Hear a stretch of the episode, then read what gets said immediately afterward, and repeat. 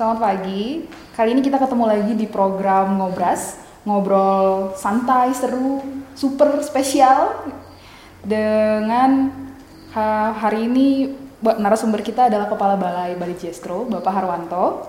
Selamat pagi Pak. Pagi. Gimana sehat Pak? Alhamdulillah sehat, Bu. Tias. Iya. Jadi em, kita hari ini mau ngobrol-ngobrol santai aja sih Pak. Apa namanya ada banyak pertanyaan dari Jestrozen yang pengen tahu lebih jauh tentang eh, program-program yang ada di Bali Jestro, Bali Jestro itu seperti apa gitu Pak. Ini kita langsung aja ya. Boleh, boleh, boleh. boleh. Jadi, Ya, ya. jadi Bali Jestro itu apa sih Pak? UPT di bawah Kementan seperti apa? Mandatnya apa gitu Pak? Oke, baik. Eh, jadi gini, eh, hai guys, para Zen ya tadi ya? Jestro Zen. Jestro Zen. Iya. Oke, baik. Jadi mungkin eh, teman-teman harus tahu Balai Jestro itu apa. Jadi Balai Jestro itu jelas Balai Penelitian Tanaman Jeruk dan Buah Subtropika. Eh, jadi yang menangani tentang jeruk dan buah subtropika yang ada di Indonesia cuma di Balai Jestro. Nah, bagaimana sih eh, struktur organisasi Balai Jestro itu? Ya jelas kami di bawah Kementerian Pertanian.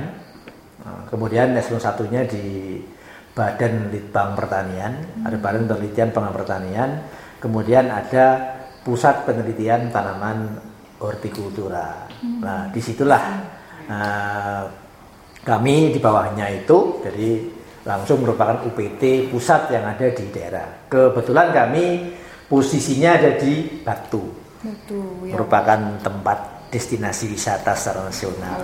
Jadi makanya teman-teman harus tahu di mana itu.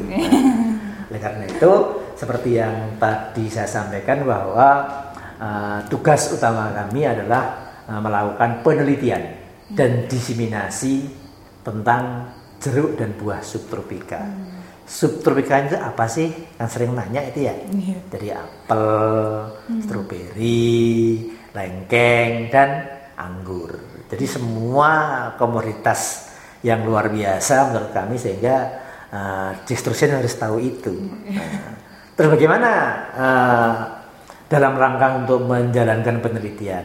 Jadi kami punya arahan, punya program dari kementerian yang jelas untuk merespon 2021 uh, basis riset kami ini sekarang ada sedikit pergeseran ya.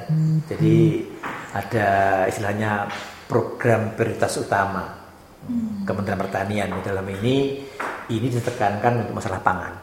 Oke. Nah, masalah pangan.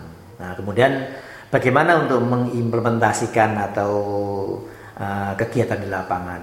Jadi ada lagi harus dikaitkan dengan kegiatan namanya riset inovatif kolaboratif.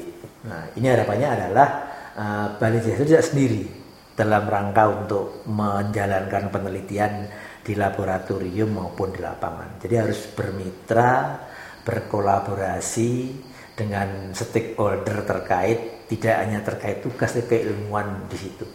Sehingga harapannya adalah dengan program RIK di sini ini ini kita bisa menjawab permasalahan yang ada di sekitar kita atau kekinian masyarakat petani kita dan seterusnya.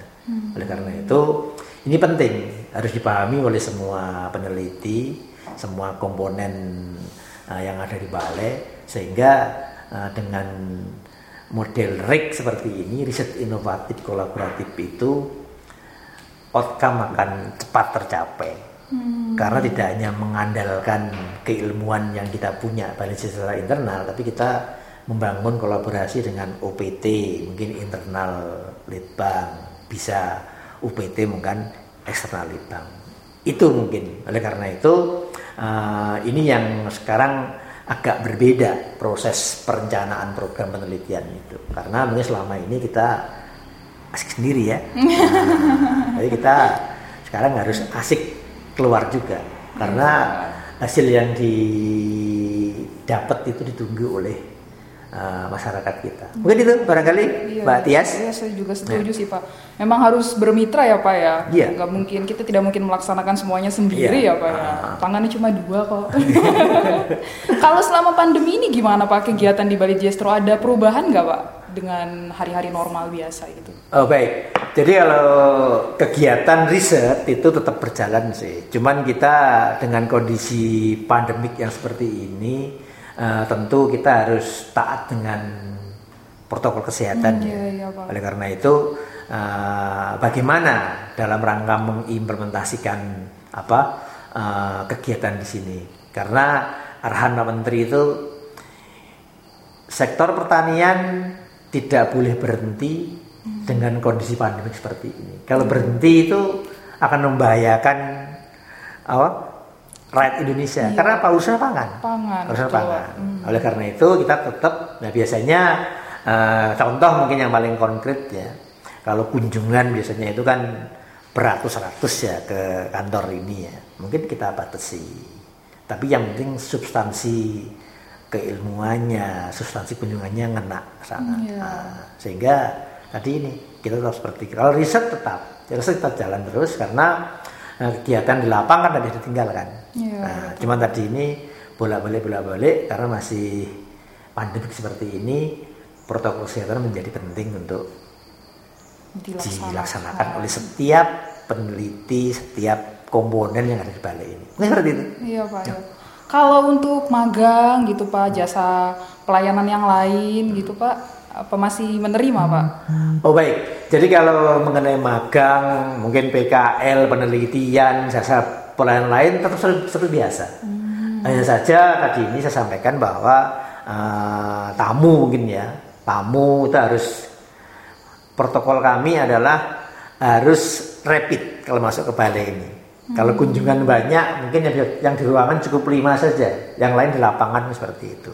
Kalau magang tetap, jadi eh, tetap melakukan magang untuk mahasiswa kita, eh, mahasiswa penelitian kita, kemudian stakeholder kita, karena magang di sini tidak hanya untuk mahasiswa, tapi untuk semuanya saja yang memerlukan transfer nyulit ya, dari balai ke stakeholder kita. Nah, jadi tetap jalan. Biasanya ada prosedur yang harus diikuti mungkin melalui surat dan seterusnya seperti itu. Oh iya Pak, iya iya.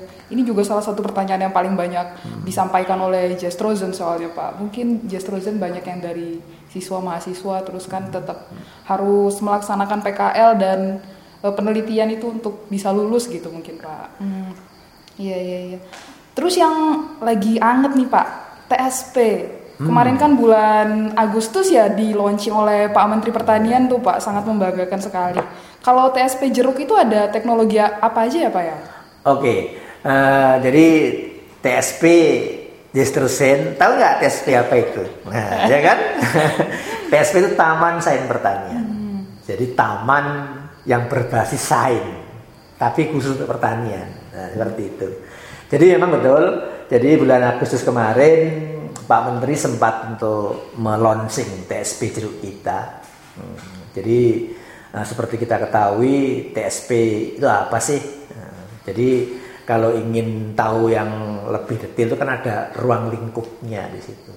Ruang lingkupnya itu ya tadi magang, kemudian ada inkubasi bisnis, kerjasama bisnis, kemudian uh, display-display inovasi dan seterusnya. Nah, dalam rangka untuk mengeksekusi itu TSP Distro, TSP Jeruk di Balai Distro itu ada tiga klaster yang dalam rangka untuk menggerakkan itu.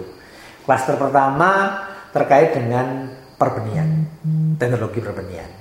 Nah itu uh, sudah kita setting bagaimana uh, membuat benih yang bagus itu. Branding Bali Jestro adalah bibit jeruk atau benih jeruk yang bebas penyakit.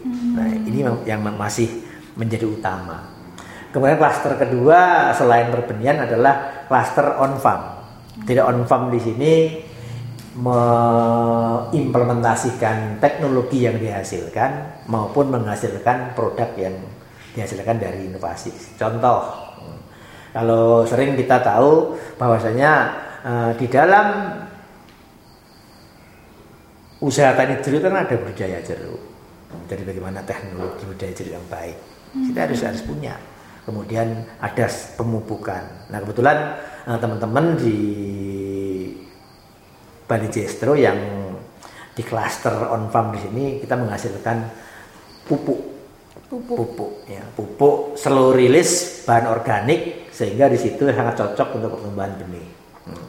kemudian ada teknologi-teknologi lain yang terkait dengan apa pengendalian penyakit kemudian teknologi organik kemudian sistem tanam rapat kemudian sistem bujang seta.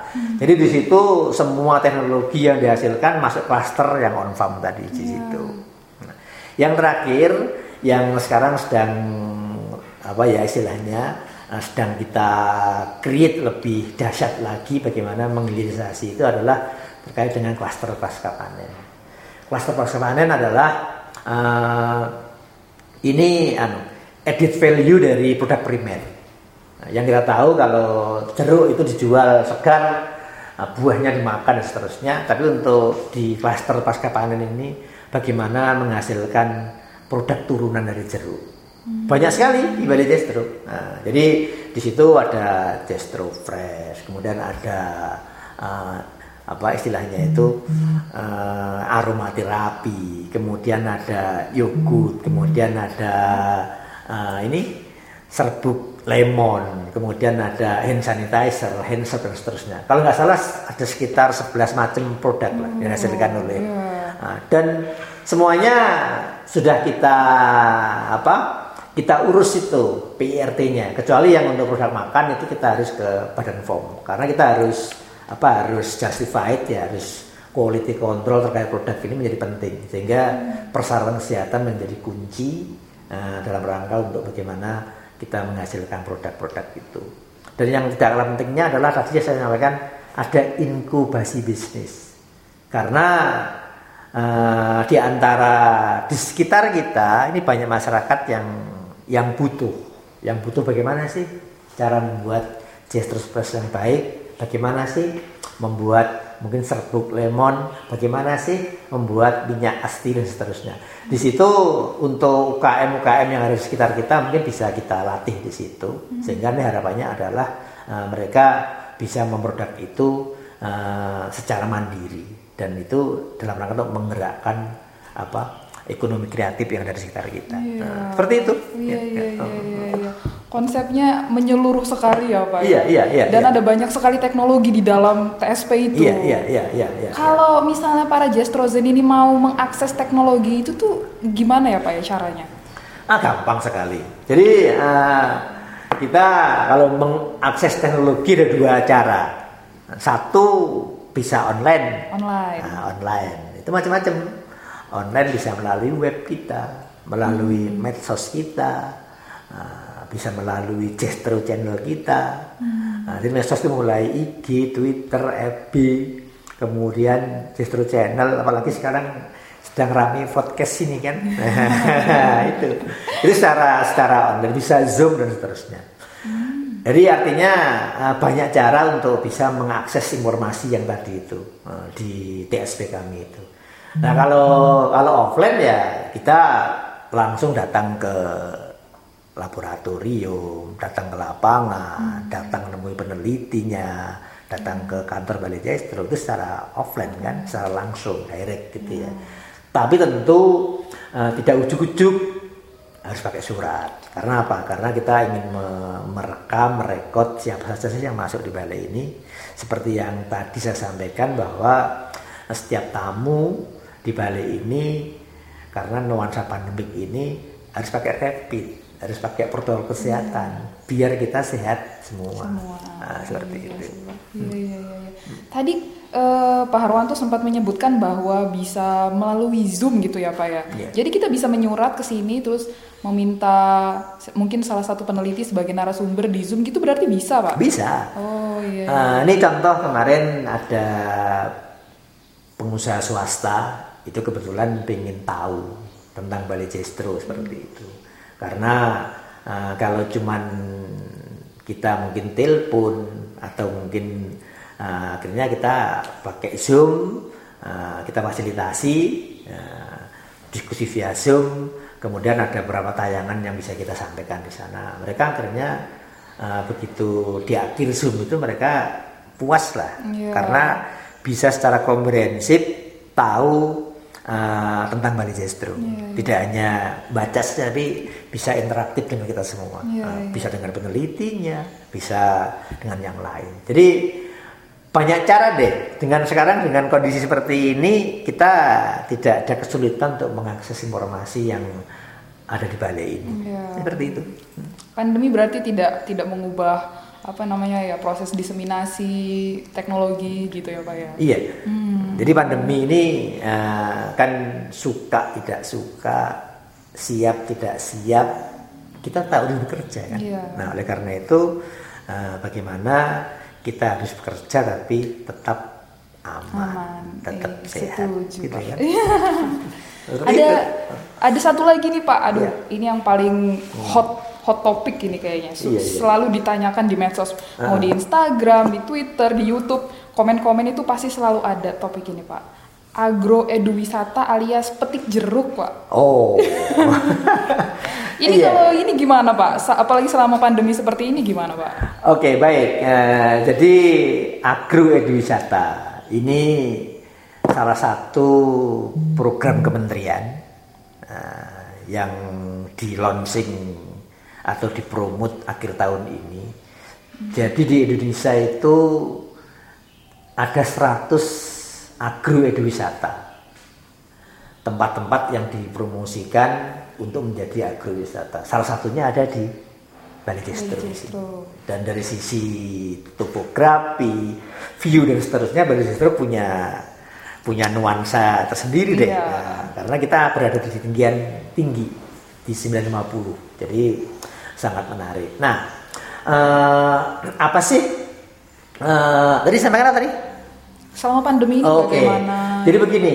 Jadi memang sebelum kita desain menjadi agroeduwisata, sesungguhnya Bali Jestro dengan nuansa topografi seperti ini setiap tahun itu ada wisata petik jeruk. Dan perlu saya ketahui Jestrosen orang yang datang ke Bali ini setahun tahu nggak? Berapa? 5000 orang. Oh, selama kurun waktu Bukan, jadi sebelum sebelum pandemik itu setahun bisa 5000 orang. Oh, nah, tentu dengan pandemik ini nggak sebanyak itu, Oh, iya, Bu. Tias. Kenapa? Tadi saya sampaikan di awal eh, bahwa eh, kita harus membatasi ya, Hmm, membatasi kerumunan di situ. Nanti kena sampai ke polisi kan. Oleh karena itu eh, kita bisa mengakses. Nah, memang tahun ini kemarin petik jeruk tidak seheroik, tidak sedahsyat kayak tahun-tahun sebelum pandemi. Karena kita tadi dibatasi oleh eh, apa? Dibatasi oleh kondisi yang seperti ini. Iya. Jadi harapan kami adalah Jester tidak ingin distempel menjadi tempat transmisi Aduh. COVID kan. Saya nggak, kami nggak mau. Iya. Makanya harus kita tadi ini kalau datang ke sini harus rapid tuh ya.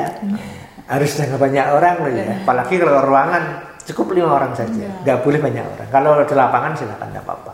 Mungkin itu. Iya, Nah, iya, iya. Berarti mungkin sementara ini pandemi masih belum berakhir, agroeduwisata di Bali Jestro sementara nggak nggak dibuka dulu gitu ya Pak ya? Atau bagaimana Pak? Iya, eh, jadi eh, apalagi kondisi ini seperti ini ya, apalagi hujan seperti ini, ini untuk sementara mungkin eh, kita apa ya kita tutup mungkin ya, tapi nanti nggak tahu setelah ini, Nah, karena di samping memang nggak ada nggak ada anunya, Ada jeruknya udah nggak ada, Iya, sudah Ah, lewat sudah musimnya lewat ya, musimnya. Jadi apa? eh, mungkin juga sekarang yang kunjungan ke sini hanya teman-teman yang mengait dengan bagaimana mau riset, Hmm. bagaimana mau BKL.